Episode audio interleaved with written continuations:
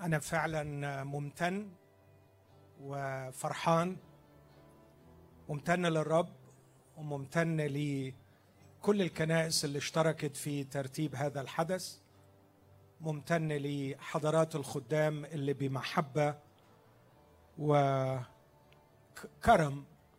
رتبوا هذا الحدث لبركتنا وشاكر إتاحة هذه الفرصة لي شخصياً إني أكون مع إخوتي وإني أتكلم بكلمة الله بينكم. شاكر فريق ترنيم نور لجميع الأمم على تعبهم ومجهودهم وإعدادهم وعلى الترنيمات البديعة اللي بترفع قلوبنا إلى محضر الله. على قلبي بنعمة الرب في خلال الأيام الثلاثة إذا شاءت مشيئة الرب وأبقانا إني أكون بشارك وبعض الأفكار تحت هذا العنوان المسيح الشافي. المسيح الشافي. وهكون بركز على إنجيل لوقا. يعني إن شاء الله مع الوقت هقدر أركز بسبب التعزيات اللي جاية من الناحيه الثانية لكن هركز. في إنجيل لوقا يكتبه طبيب وطبيب عظيم متميز يعرف وجع البشر ويعرف آلامهم الكثيرة ويتكلم عن الطبيب الأعظم المسيح الذي يشفي. فأنا هركز كلامي بنعمة الرب على المسيح الشافي من إنجيل لوقا. استأذنكم لو ما فيهاش تعب نقف مع بعض وإحنا بنستمع إلى أعداد من إنجيل لوقا الأصحاح التاسع. إنجيل لوقا أصحاح تسعة. بعد حادثة التجلي نزل الرب يسوع من الجبل في عدد 37 من لوقا تسعة لوقا تسعة 37 وفي اليوم التالي إذ نزلوا من الجبل استقبله جمع كثير. وإذا رجل من الجمع صرخ قائلا يا معلم أطلب إليك انظر إلى ابني فإنه وحيد لي وها روح يأخذه فيصرخ بغتة فيصرعه مزبدا وبالجهد يفارقه مرددا إياه. وطلبت من تلاميذك أن يخرجوه فلم يقدروا. فأجاب يسوع وقال أيها الجيل غير المؤمن والملتوي إلى متى أكون معكم وأحتملكم؟ قدم ابنك إلى هنا. وبينما هو آت مزقه الشيطان وصرعه. مزقه الشيطان وصرعه. فانتهر يسوع الروح النجس وشفى الصبي وسلمه إلى أبيه. فبهت الجميع من عظمة الله. وإذ كان الجميع يتعجبون من كل ما فعل يسوع قال لتلاميذه ضعوا أنتم هذا الكلام في أذانكم. إن ابن الإنسان سوف يسلم إلى أيدي الناس.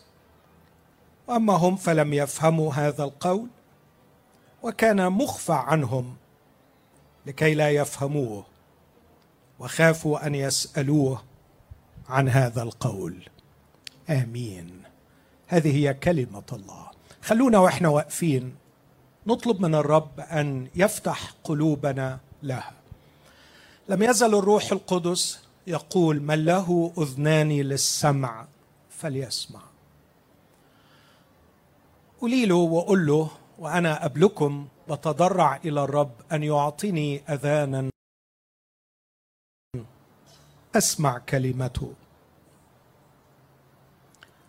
لتخترقنا كلمة الله. مكتوب أرسل كلمته فشفاهم.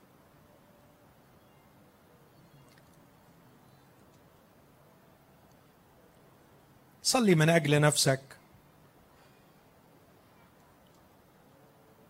ولا تنشغل بأي شيء حولك. واطلب من الرب لقاء شخصي معك لشفائك.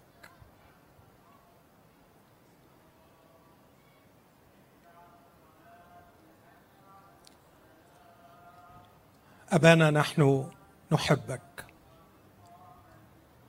وممتنين لأننا دع... لأننا صرنا ابنائك ولأنك دعوتنا إلى ملكوتك.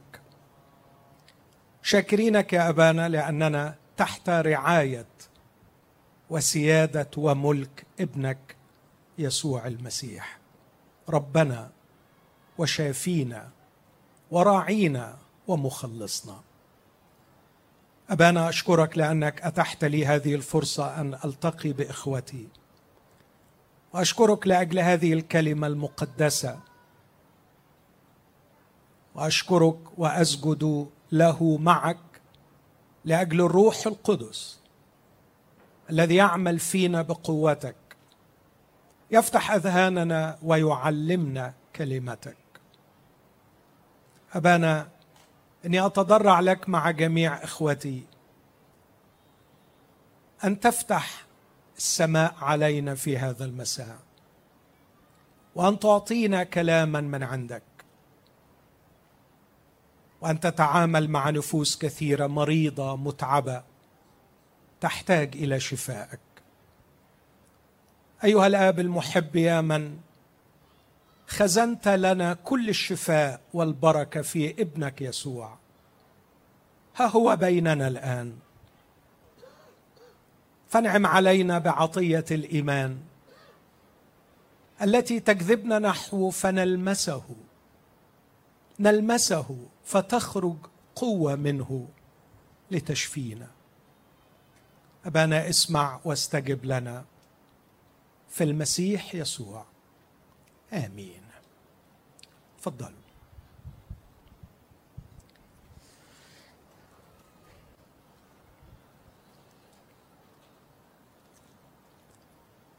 الحادثه اللي قريتها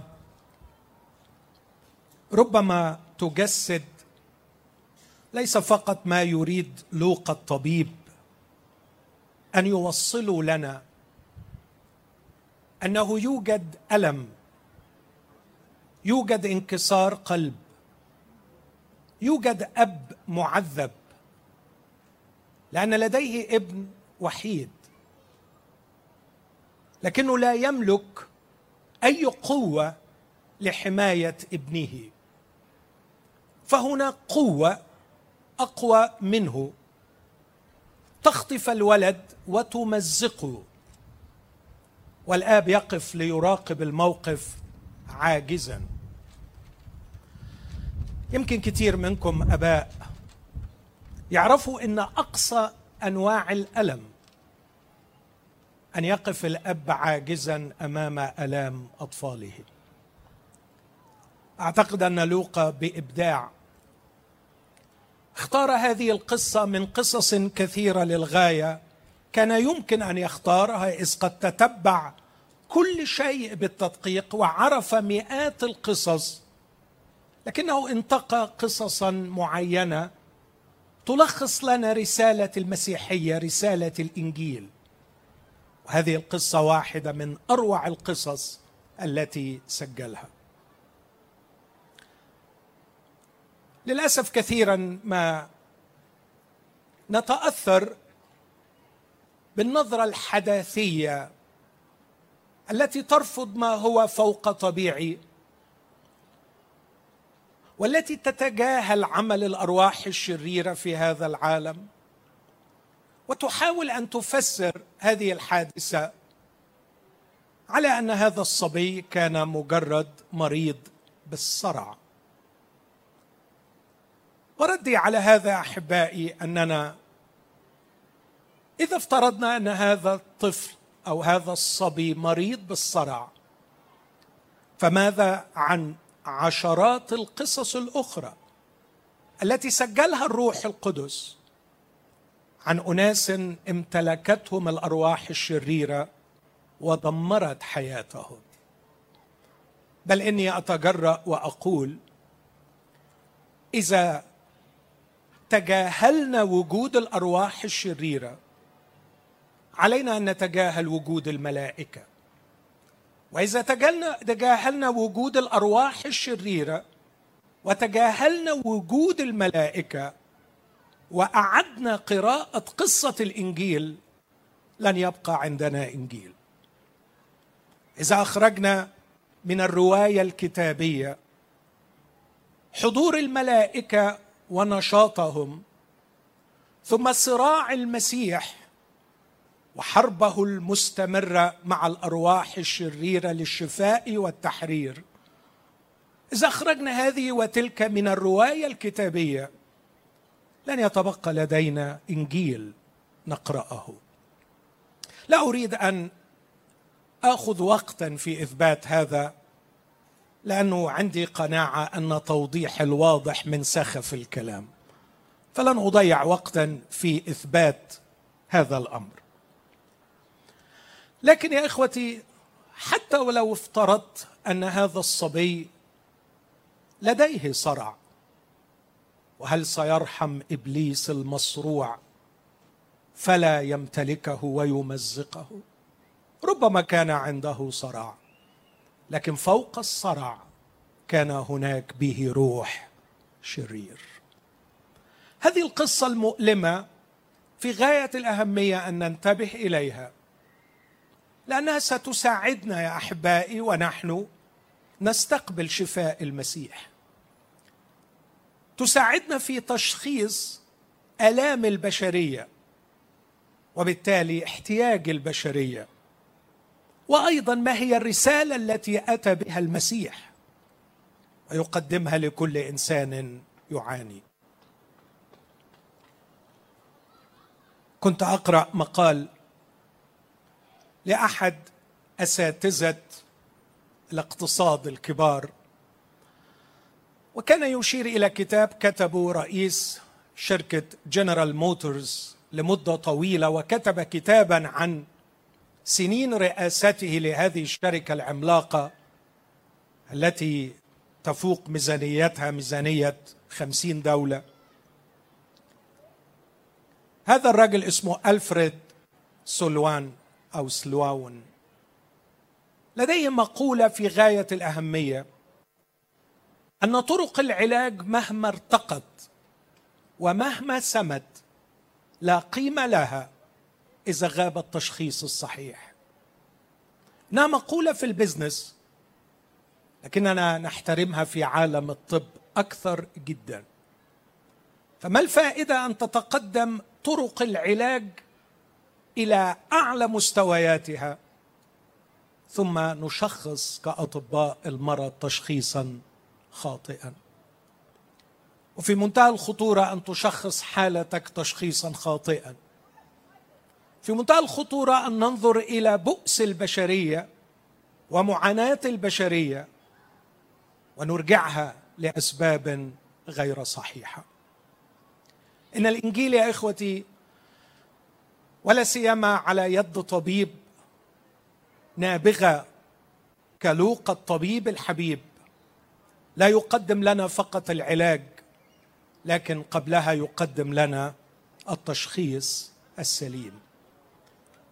وما هو المرض؟ ما هي المأساة؟ ما هي الحالة التي يعاني منها الإنسان؟ طبقا لتشخيص لوقا الطبيب. في الأول حابب أثبت بس إن المسيح مقدم في إنجيل لوقا باعتباره طبيب.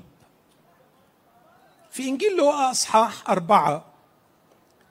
دخل الرب يسوع مجمع الناصرة. لو معاكم آه، كتبكم المقدسة على تليفوناتكم افتحوها.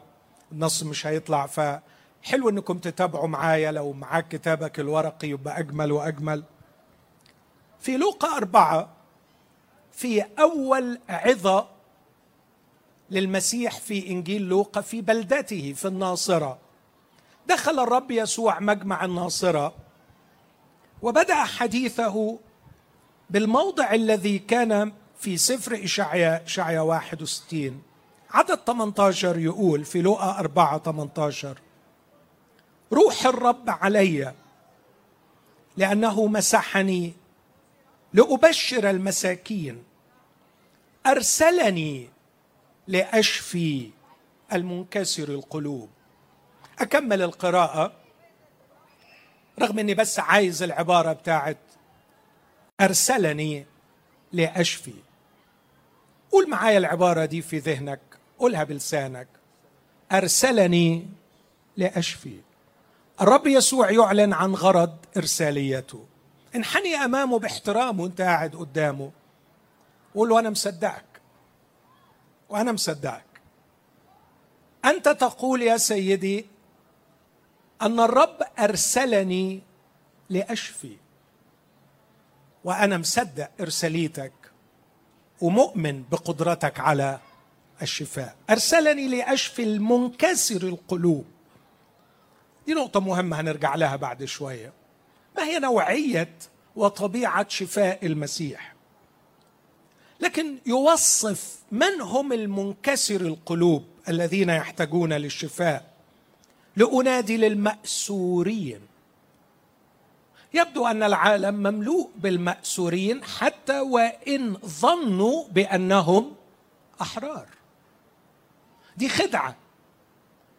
يبدو أننا نستعيد بمظاهر خارجية تخفي أسرنا الداخلي. يبدو أن العالم يقدم لنا الكثير مما يوهمنا بأننا أحرار فننسى أننا مأسورين. لكن حلو قوي إنك تقبل تشخيص المسيح أيضا عندما يقول المسيح لأنادي للمأسورين بالإطلاق. قل يا سيد أقر وأعترف بأني مأسور. بداية العلاج قبول التشخيص الصحيح. إذا قال لك الرب إنك مأسور الليلة أرجوك اقبلها اقبليها قد تكون مأسور بمشاعر سلبية برثاء للنفس بتنامي وتقومي في مراره الرثاء للنفس. أنا من وجهة نظري هذا أسر أقوى من أسوار السجون. كان بولس في السجن يسبح حرا طليقا. لكن هناك من ينامون ويستيقظون كل يوم مقيدين بأسر مرارة شديدة لا تفارقهم. يسوع يعرف هؤلاء وقد جاء إليهم. أو قد تكون مأسور بمشاعر ذنب مش قادر تتخلص منها. اعترفت مئة مرة وصليت مئة مرة وناس صليت لك مئة مرة.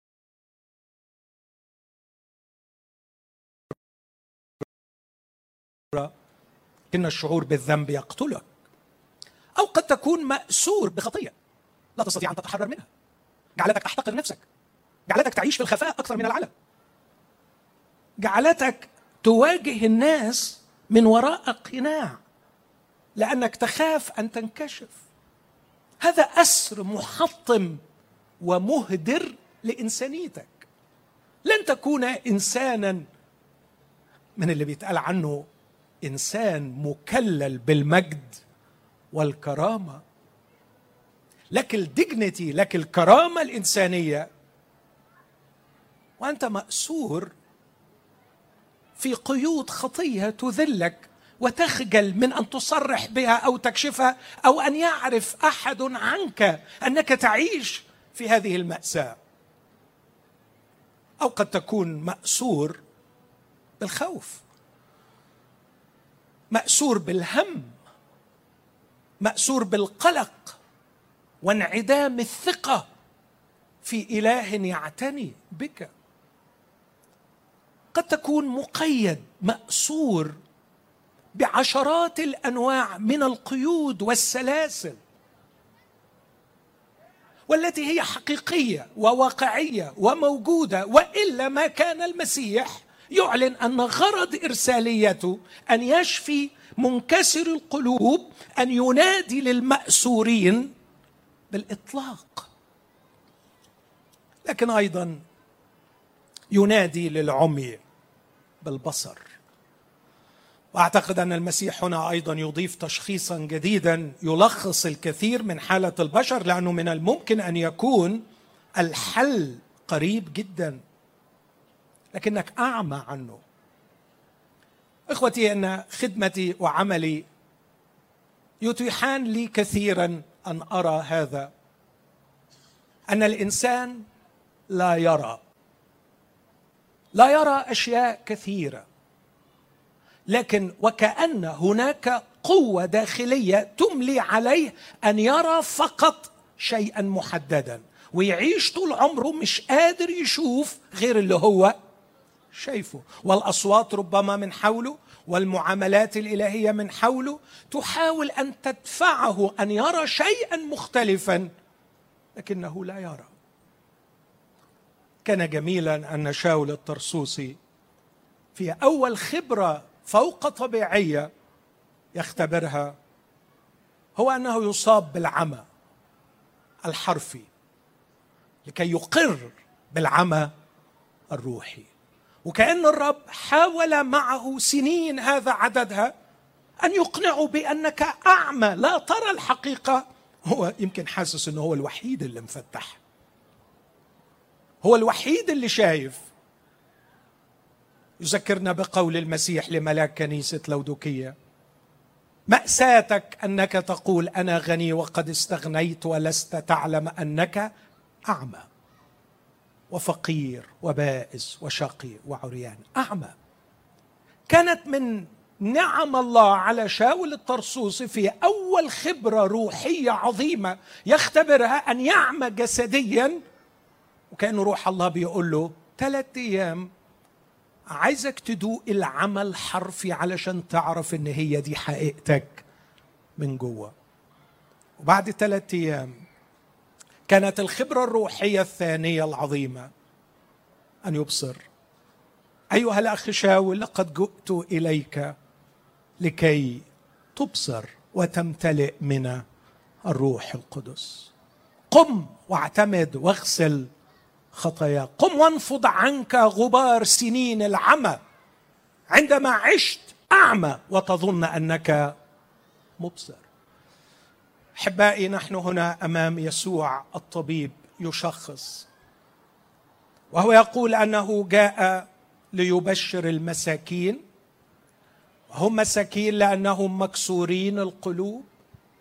وهم مكسورين القلوب لأنهم مأسورين بقيود مختلفة. وهم مساكين لأنهم مأسورين بقيود مختلفة. وفي نفس الوقت عميان. لا يرون حلا ولا رجاء ولا املا. ويظل يدور كالثور الاعمى المقيد بغمامه على عينيه لكي لا يرى.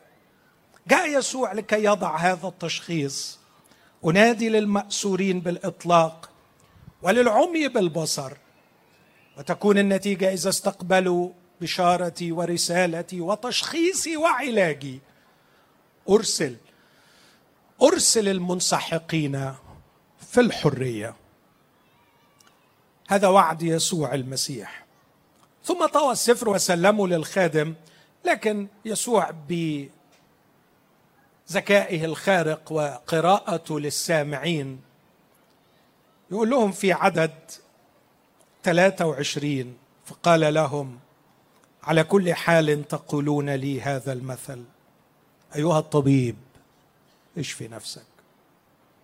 أيها الطبيب أنا بقرأ بس النص ده كله علشان أقول يسوع عارف إنه هو طبيب ويسوع يقدم نفسه في إنجيل لوقا باعتباره طبيب ولوقا الطبيب في هذا الإنجيل يكتب عن يسوع الطبيب يسوع طبيب. هذا في أصحاح أربعة. في أصحاح خمسة يسوع أيضا يصنع مجموعة من المعجزات الرائعة. لكن يقول الكتاب كده عنه هذه الكلمات. هقرأ بس جزء صغير في عدد 27 خرج فنظر عشارا اسمه لاوي. قال له اتبعني. دخل الرب يسوع بيت لاوي اللي هو متى العشار. فتذمر كتبتهم والفريسيون على تلاميذه قائلين لماذا تأكلون وتشربون مع عشرين وخطاط فأجاب يسوع وقال لهم لا يحتاج الأصحاء إلى طبيب. اذا في لوقا أربعة ولوقا خمسة المسيح يرى نفسه باعتباره طبيب. لكنه طبيب جاء لكي يشفي المنكسر القلوب وطبيب في نظره أن المرضى الحقيقيين هم الذين يحتاجون إلى توبة. لاحظوا العبارة؟ لا يحتاج الأصحاء إلى طبيب بل المرضى. ثم يفسر لم آتي لأدعو أبرارا بل خطاطا إلى التوبة. اذا المرضى في نظر المسيح هم الخطاط.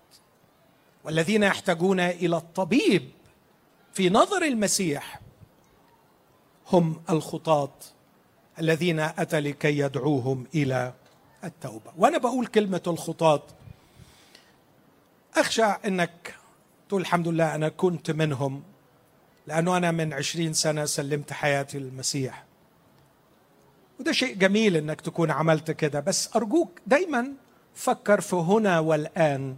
مالناش دعوة باللي حصل زمان إحنا خلينا في الواقع الاختباري بتاعك.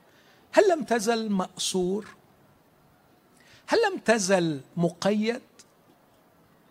هل لم تزل نايم قايم بتلف في دواير مش عارف تطلع منها؟ وحياتك لا يمكن أن يرسمها خط بياني يتقدم بل يرسمها دوامة لا نعرف لها بداية من نهاية؟ هل أيامك وحياتك كنور مشرق يتزايد وينير إلى النهار الكم. هذا هو سبيل الصديقين يا أحبائي. إذا كنت ارتبطت بيسوع المخلص الشافي ينبغي أن يكون سبيلك في الحياة. ما تزعلش مني لما أقدم هذا التشخيص مش بصعبها عليك لكن دي الحقيقة. إذا كنت قبلت المسيح يسوع مخلص شخصي ليك ينبغي أن ينطبق عليك القول سبيل الصديقين كنور مشرق يتزايد وينير إلى النهار الكامل.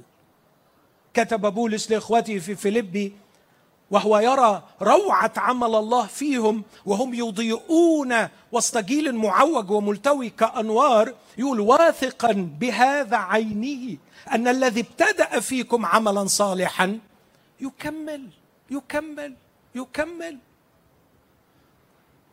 قضى ثلاثة أسابيع بين إخوة تسالونيكي وعندما خرج وتركهم وكتب إليهم رسالة بعد فترة بسيطة يقول لهم من قبلكم قد أذيعت كلمة الله والناس تحكي عن أي دخول أي دخول كان لنا إليكم؟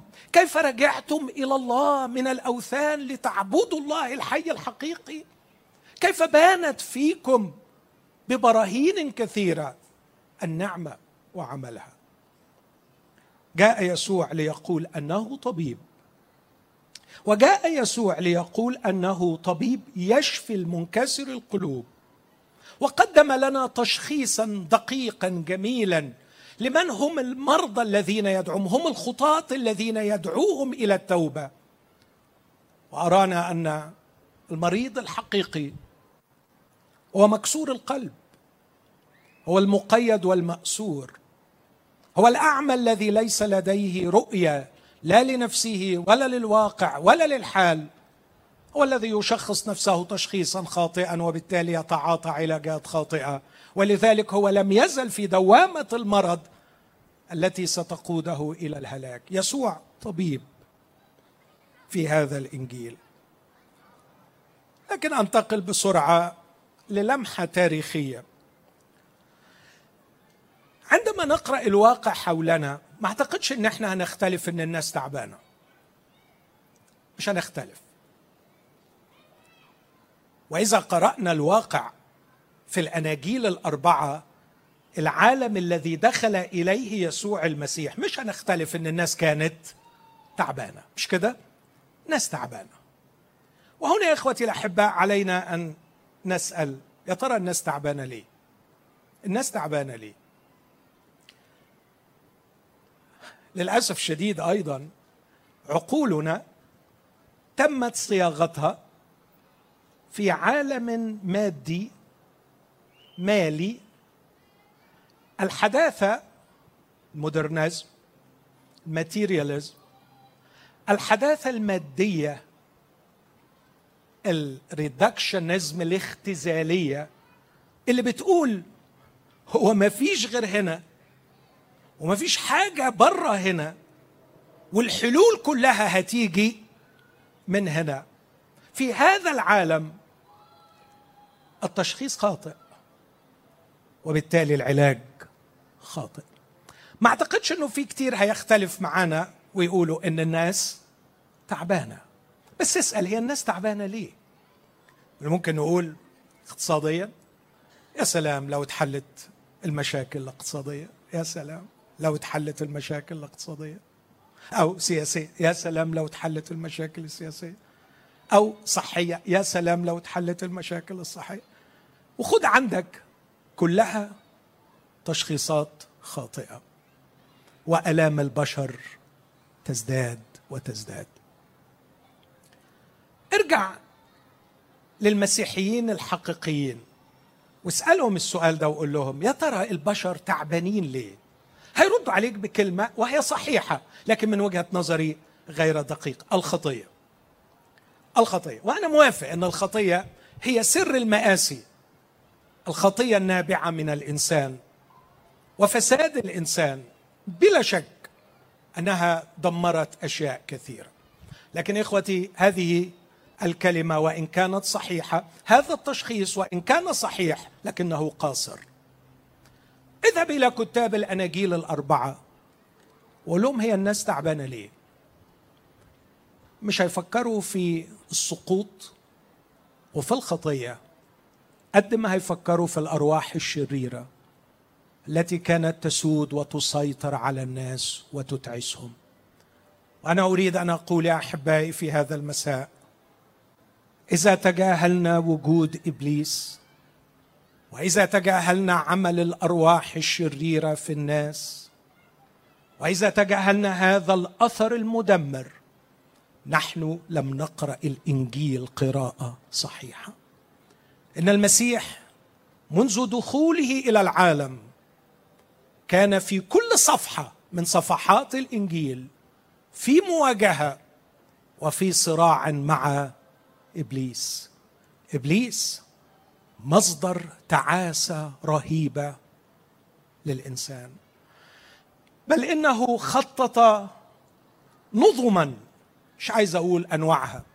سياسية اقتصادية فكرية ثقافية دينية علمية. يحبس الإنسان فيها ويهدر إنسانيته فيها ويقوده من يوم إلى يوم إلى تعاسة مدمرة. قال عنه الرب يسوع وهو يكشف عن نفسه أنه الراعي الصالح الذي جاء لكي ينازل العدو. قال عن نفسه إن السارق لا يأتي إلا لكي يسرق ويذبح ويهلك.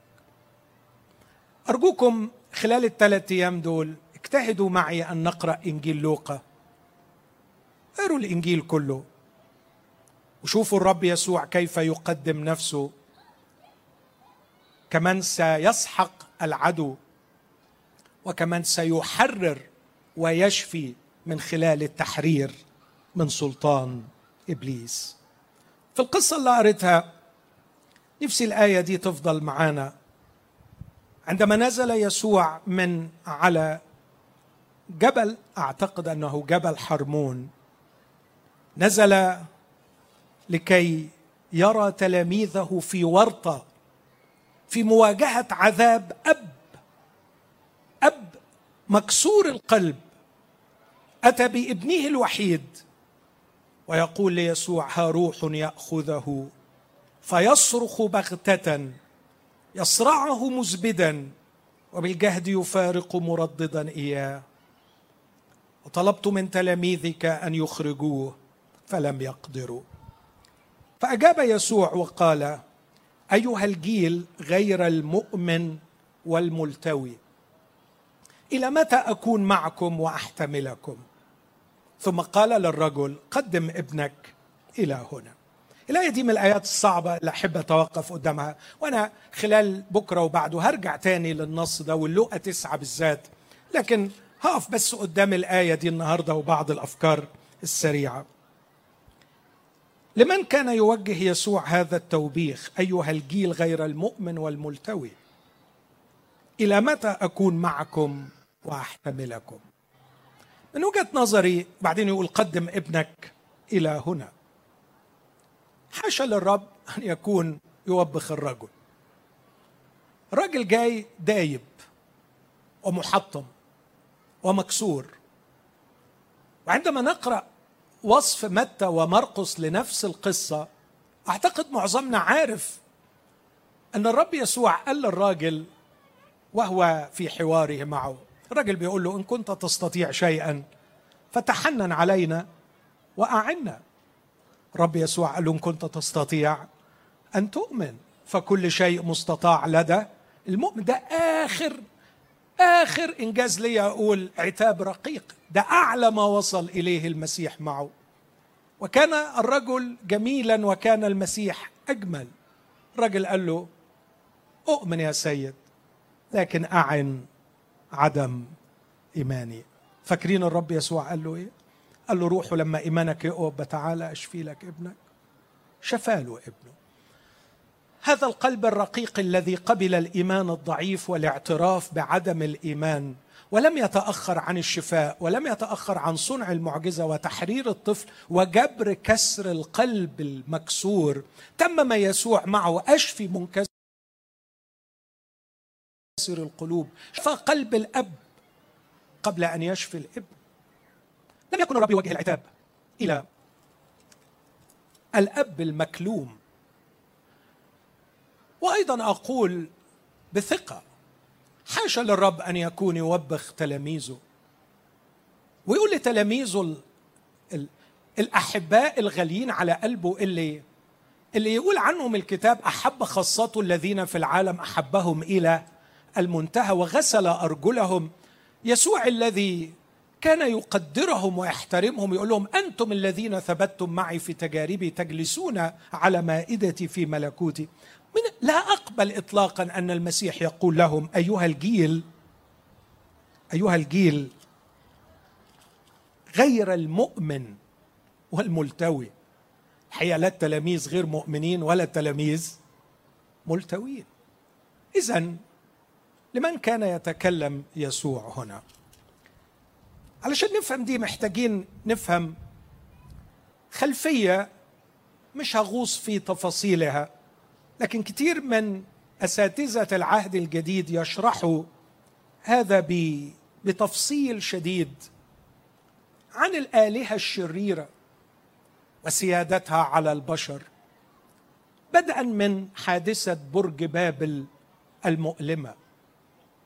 عندما رفضوا الرب الإله ليكون ملكهم وأرادوا عبادة آلهة أخرى أقول للأسف أن الرب سلمهم لمرام قلوبهم. خلوني أقرأ معاكم مزمور مجهول عند كثيرين مع إن المسيح اقتبسوا في محاوراته مع اليهود مزمور 82 مزمور 82 مزمور في غاية الأهمية والمسيح اقتبسوا في يوحنا عشرة.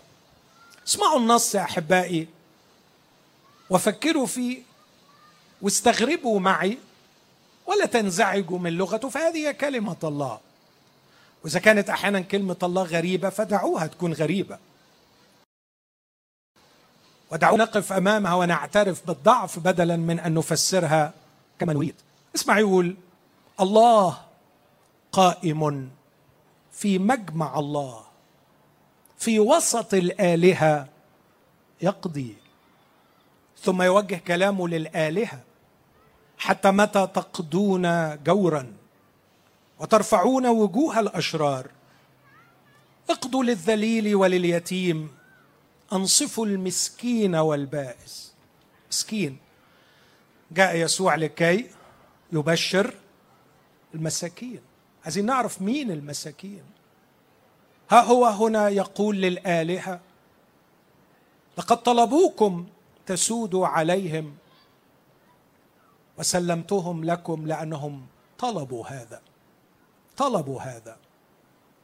فاقضوا لليتيم انصفوا المسكين والبائس. نجوا المسكين مشغول بالمسكين والفقير.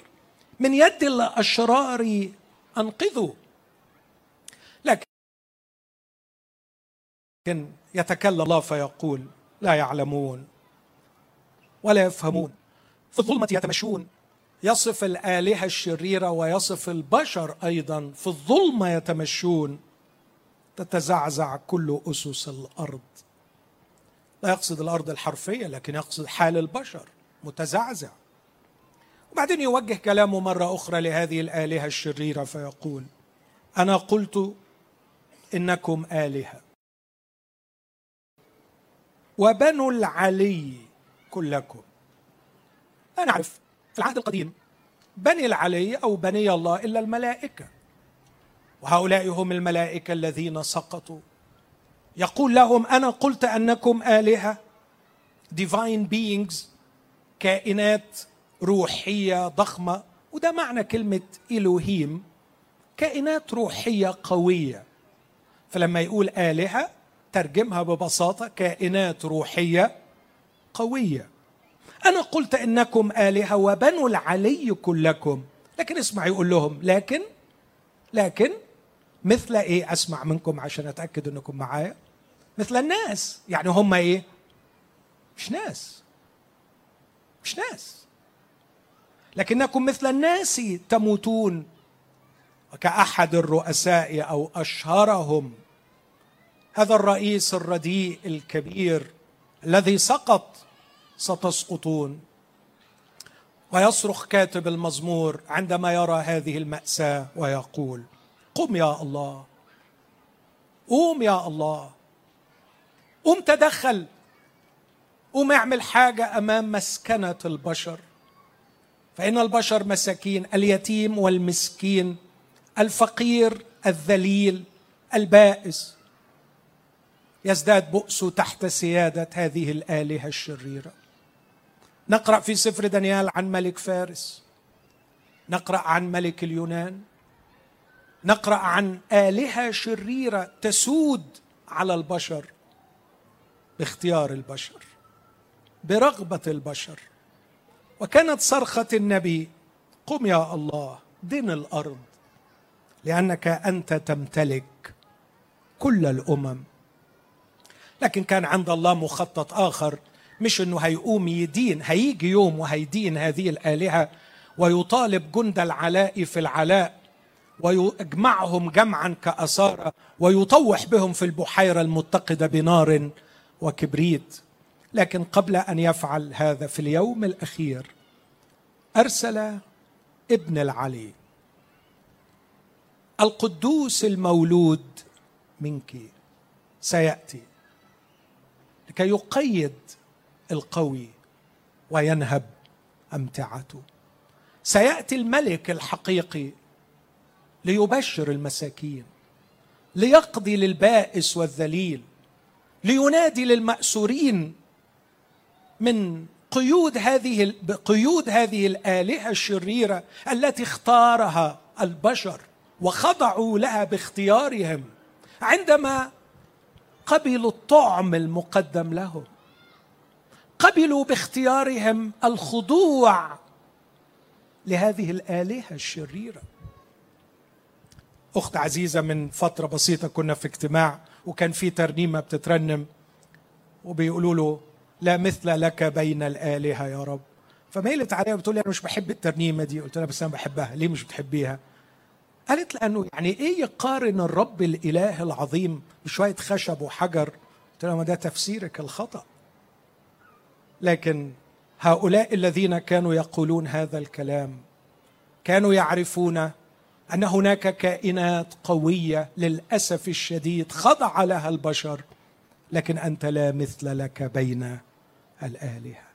أنت العلي وكلمة العلي حلوة قوي بالإنجليزية the most high في higher beings في كائنات عالية لكن في واحد اسمه العلي the most high فاكرين الأرواح الشريرة كانت تصرخ وتقول له ما لي ولك يا يسوع يا ابن الله الإيه؟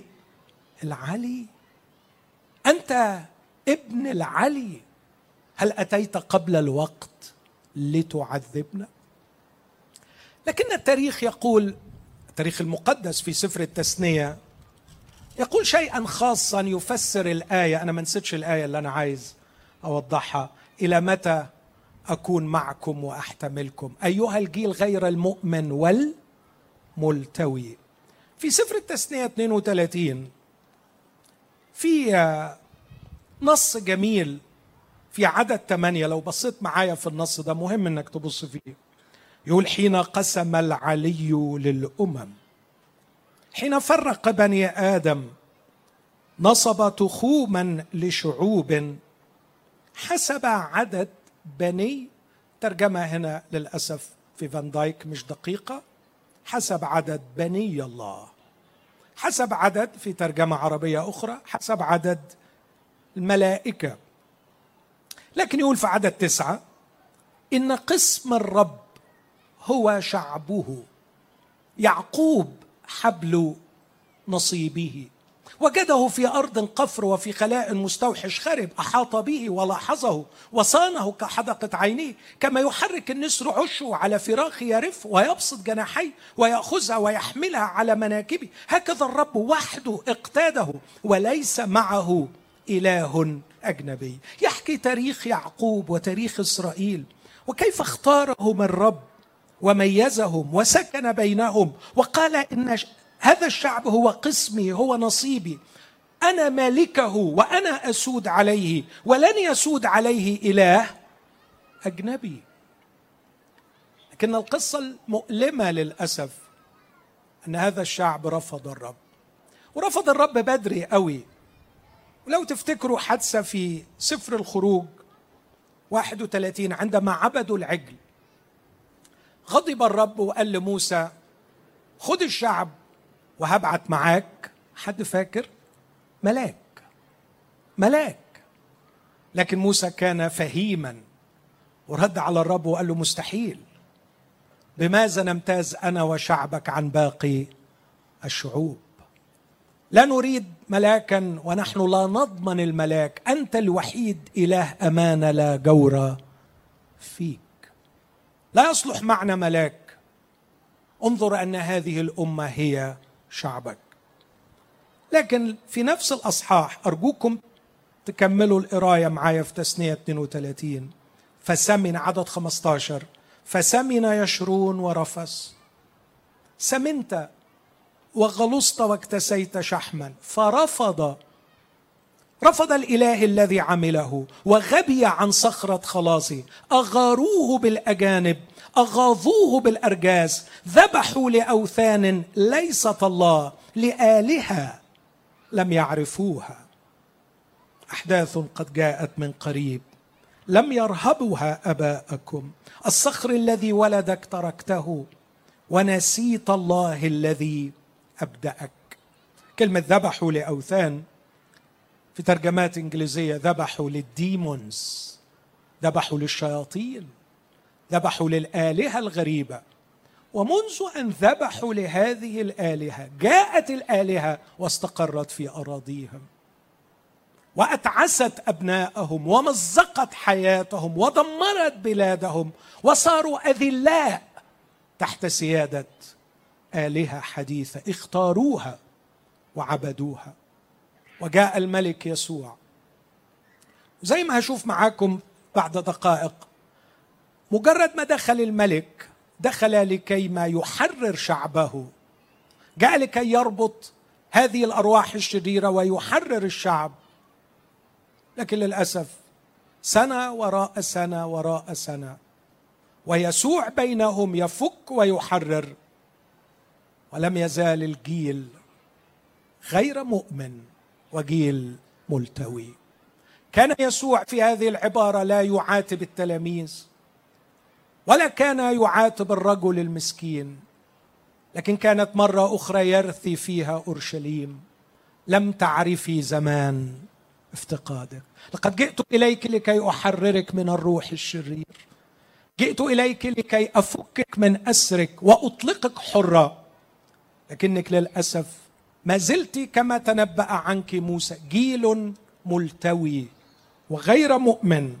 هذا ما قاله عنهم موسى في نفس الأصحاح وهو يتكلم عن هذا الشعب في تثنيه 32 وهو يقول عنهم إنهم جيل ملتوي وغير مؤمن.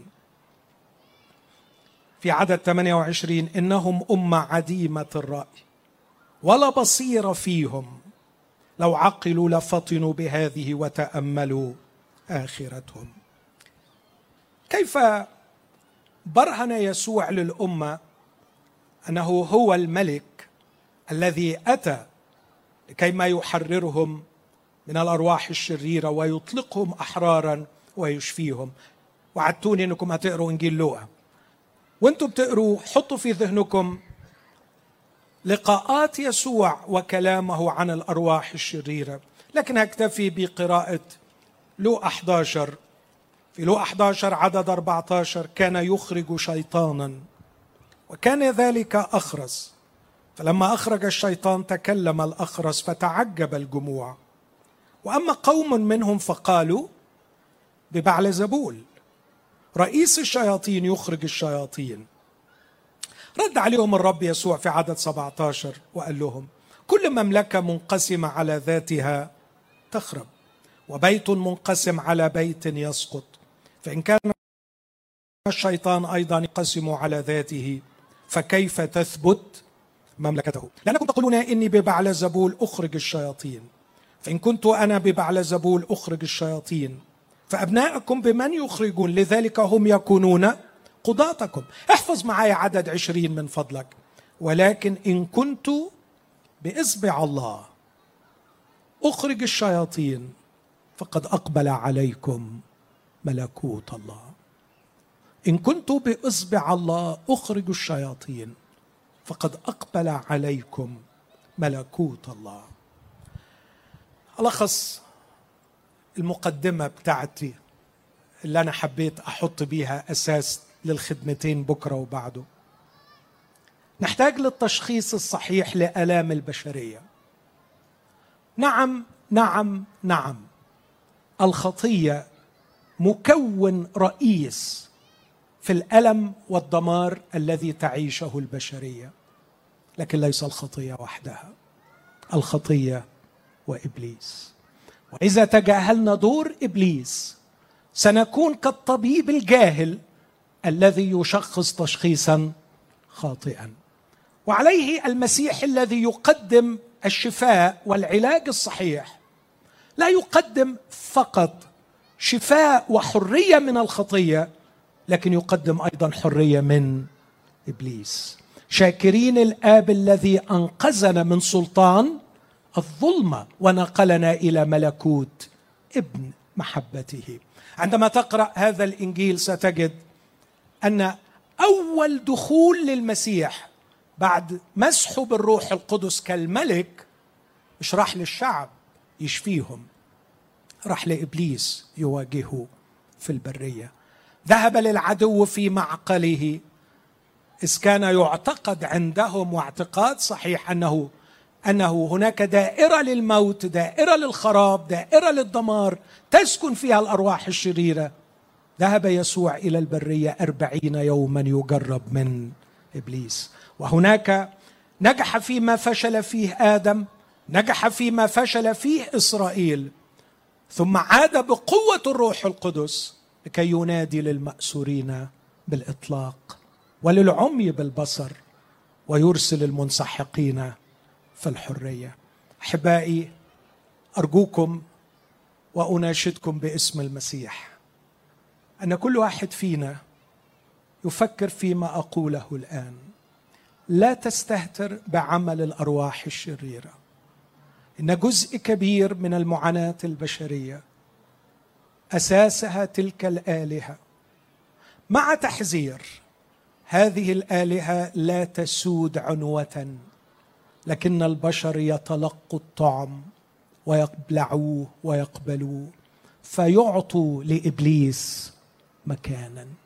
لكن الخبر المفرح الذي أزفه إلى كل نفس تسمعني في هذا المساء أن المسيح شافي أتى ليشفي أتى ليشفي اولا بأن يفك القيد ينادي للمأسورين بالإطلاق يرسل المنسحقين في الحرية.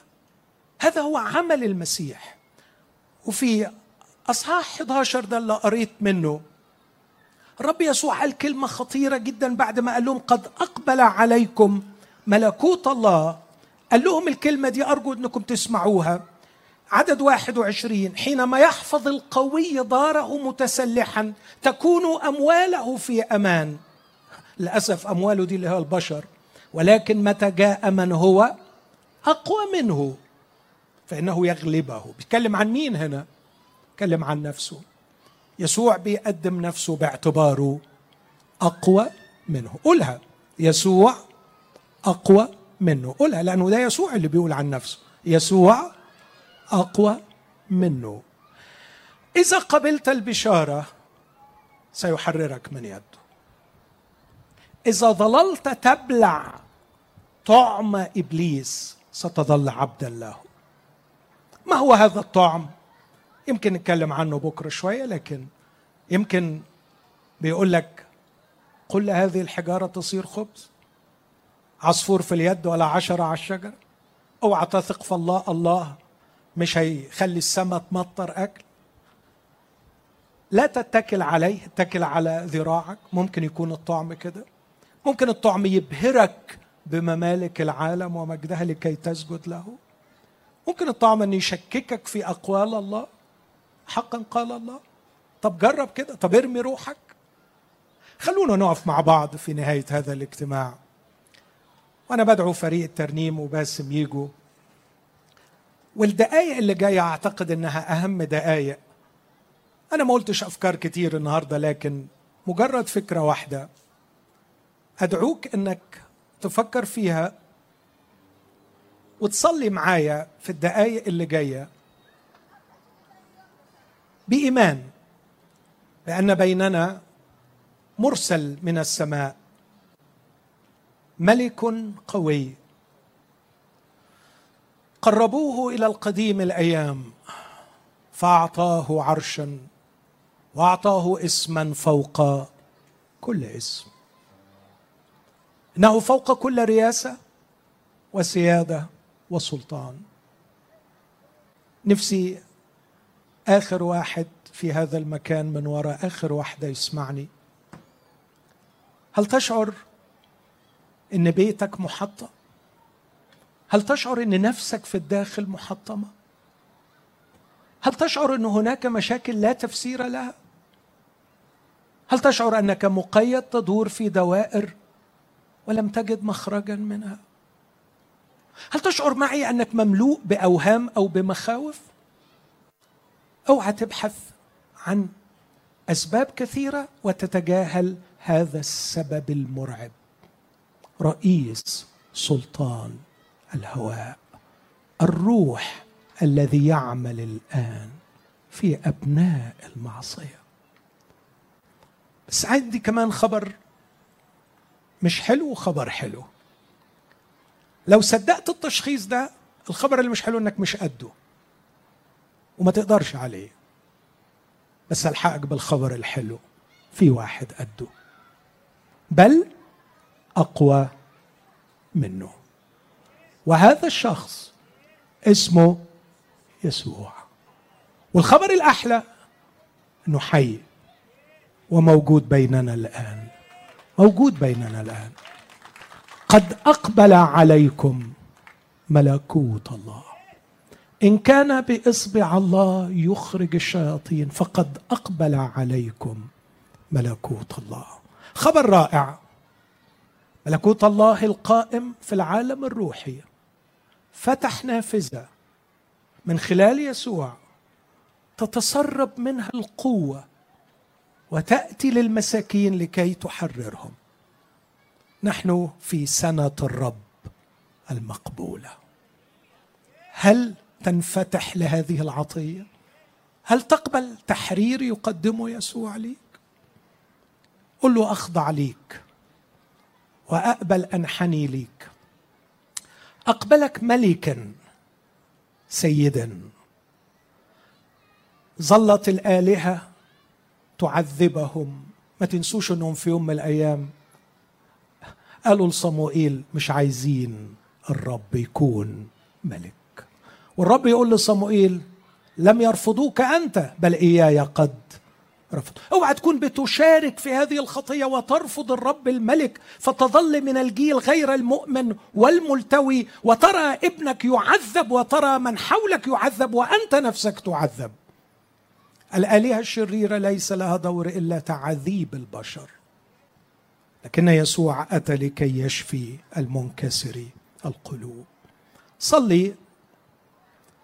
وخد الوقت اللي جاي في طلب تحرير وشفاء. يقدمه الملك يسوع مجانا. رحب بالملك يسوع رحب بيه رحب بيه واستقبله. وقول له أستقبلك أيها الملك وأختبر شفاءك في هذه الليلة وتحريرك لتنقذني من سلطان الظلمة وتنقلني إلى ملكوتك.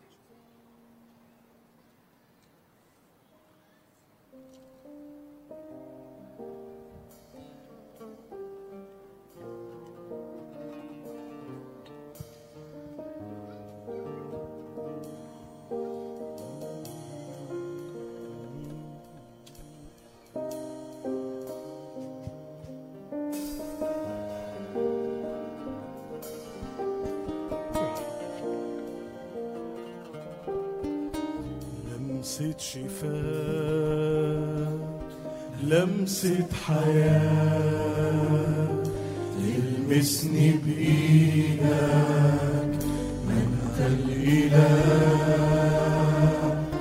أنا عندي إيمان تشفيني الآن لو هلمس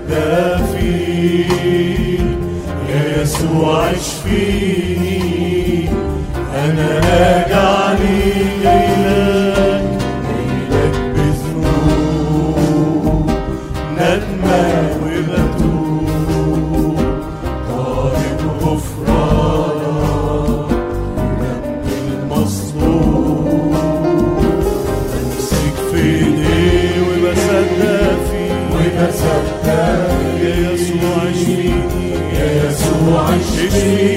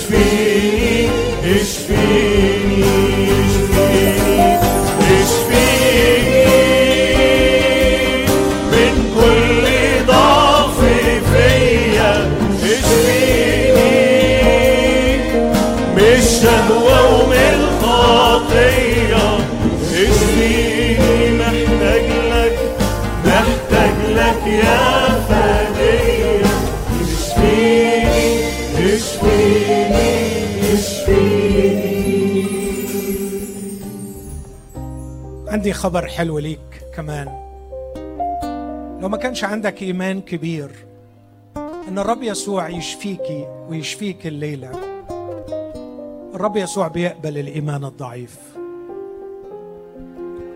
لو كانت أحاسيسك مش قادرة تتجاوب مع الخبر غمض عينك وقول له أعن عدم إيماني. أعن عدم إيماني. تعبت كتير وطلبت كتير. ومش لاقي حل لدرجة إن ايماني ضعف لكن أنت الليلة بتقول إنك ما بتحتقرش الإيمان الضعيف. شفى الصبي وسلمه إلى أبيه رغم الإيمان الضعيف. قل له أؤمن فأعن عدم إيماني. لكن كمان ليا طلبين عندك. أرجوك حتى بإيمانك الضعيف بس على الأقل تكون فاهم حاجتين. عايزك تكون فاهم إن مفيش عقيدة تخلصك. مفيش حقيقة تخلصك لكن في شخص يخلصك. وأنا مش جاي الليلة أكرز لك بعقيدة أو تعليم يخلصك لكن بكرز لك بشخص اسمه يسوع. حي وموجود بيننا الآن. إن مشكلتنا ومرضنا أعقد من أن تحلها عقيدة. مش ناقصنا كونسبت مش ناقصنا مفهوم مش ناقصنا فكرة جديدة. إحنا ناقصنا حد قوي. ينتزعنا من يد هذا الشرير الذي امتلكنا. خبر رائع. مش محتاج إنك تستوعب العقيدة. محتاج تفتح قلبك للملك يسوع. تفتح قلبك لهذا الشخص المحب المحرر. الطلب الثاني اللي أطلبه منك إذا كنت طالب الملك يسوع يحررك ما تلعبش مع إبليس تاني من فضلك. ما تلعبش معاه تاني. بيسليك بالسوشيال ميديا وبيدي لك حاجات مسلية قوي. وكل مرة بتبلع يا غلبان بيزود القيد عليك. ما تلعبش معاه.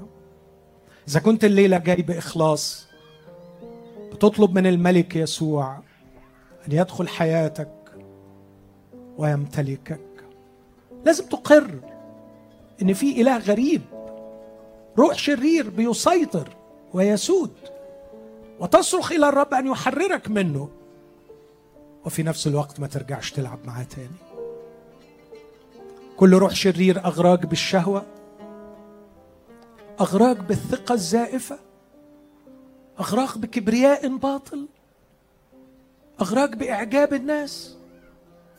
أرفض هذا الطعم الغبي السخيف اللي لما بلعته صرت عبدا له. وأطلب من الرب أن يفكك في هذا المساء.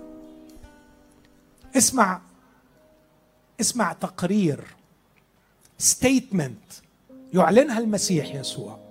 روح الرب علي مسحني لأبشر المساكين لأشفي المنكسر القلوب لأشفي المنكسر القلوب لأنادي للمأسورين بالإطلاق وللعمي بالبصر وأرسل المنسحقين في الحرية. ارفع إيدك وقول له أنا أنا عايزك يسوع وأنا محتاجك وأنا قابل خلاصك وغفرانك وملكك وسيادتك علي.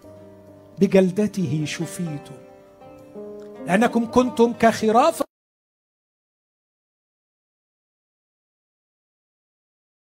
إذا حط إيده عليك الليلة أتحدى روح شرير يقرب منك أو يقدر عليك الذين هم في يدي. لا يقدر أحد أن يخطفهم مني. بجلدتك شوفيت بجلدتك شوفيت بجلدتك شوفيت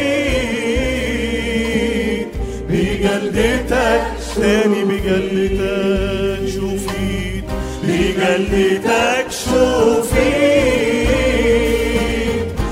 بجلدتك شوفيت بجلدتك شوفيت يا يسوع. بجلدتك شوفيت تحت الصليب. تحت الصليب برجع عندك. واتأمل في راحتك. أنا بجيلك بروحي وعارف إن شفائي فيك حتى لو كان الرأس صغير حتى لو كان الكل مريض أنا بجيلك بجروحي وعارف وعارف إن شفائي فيك بجلدتك شوفي بجلدتك شوفي بجلدتك شوفي يسوع. بجلدتك شوفي كل إساءة لم تغتفر وجرح في القلب اتحفر. حتى لو كان بقاله سنين إيماني فيك أنت يا معين بجلدك شوفي بجلدك شوفي بجلدك شوفي بجلدك شوفي يا يسوع بجلدك شوفي صلي معايا الكلمات الأخيرة دي قبل ما نختم. أيها الرب الحبيب يسوع اقبلني. اقبلني في ملكوتك.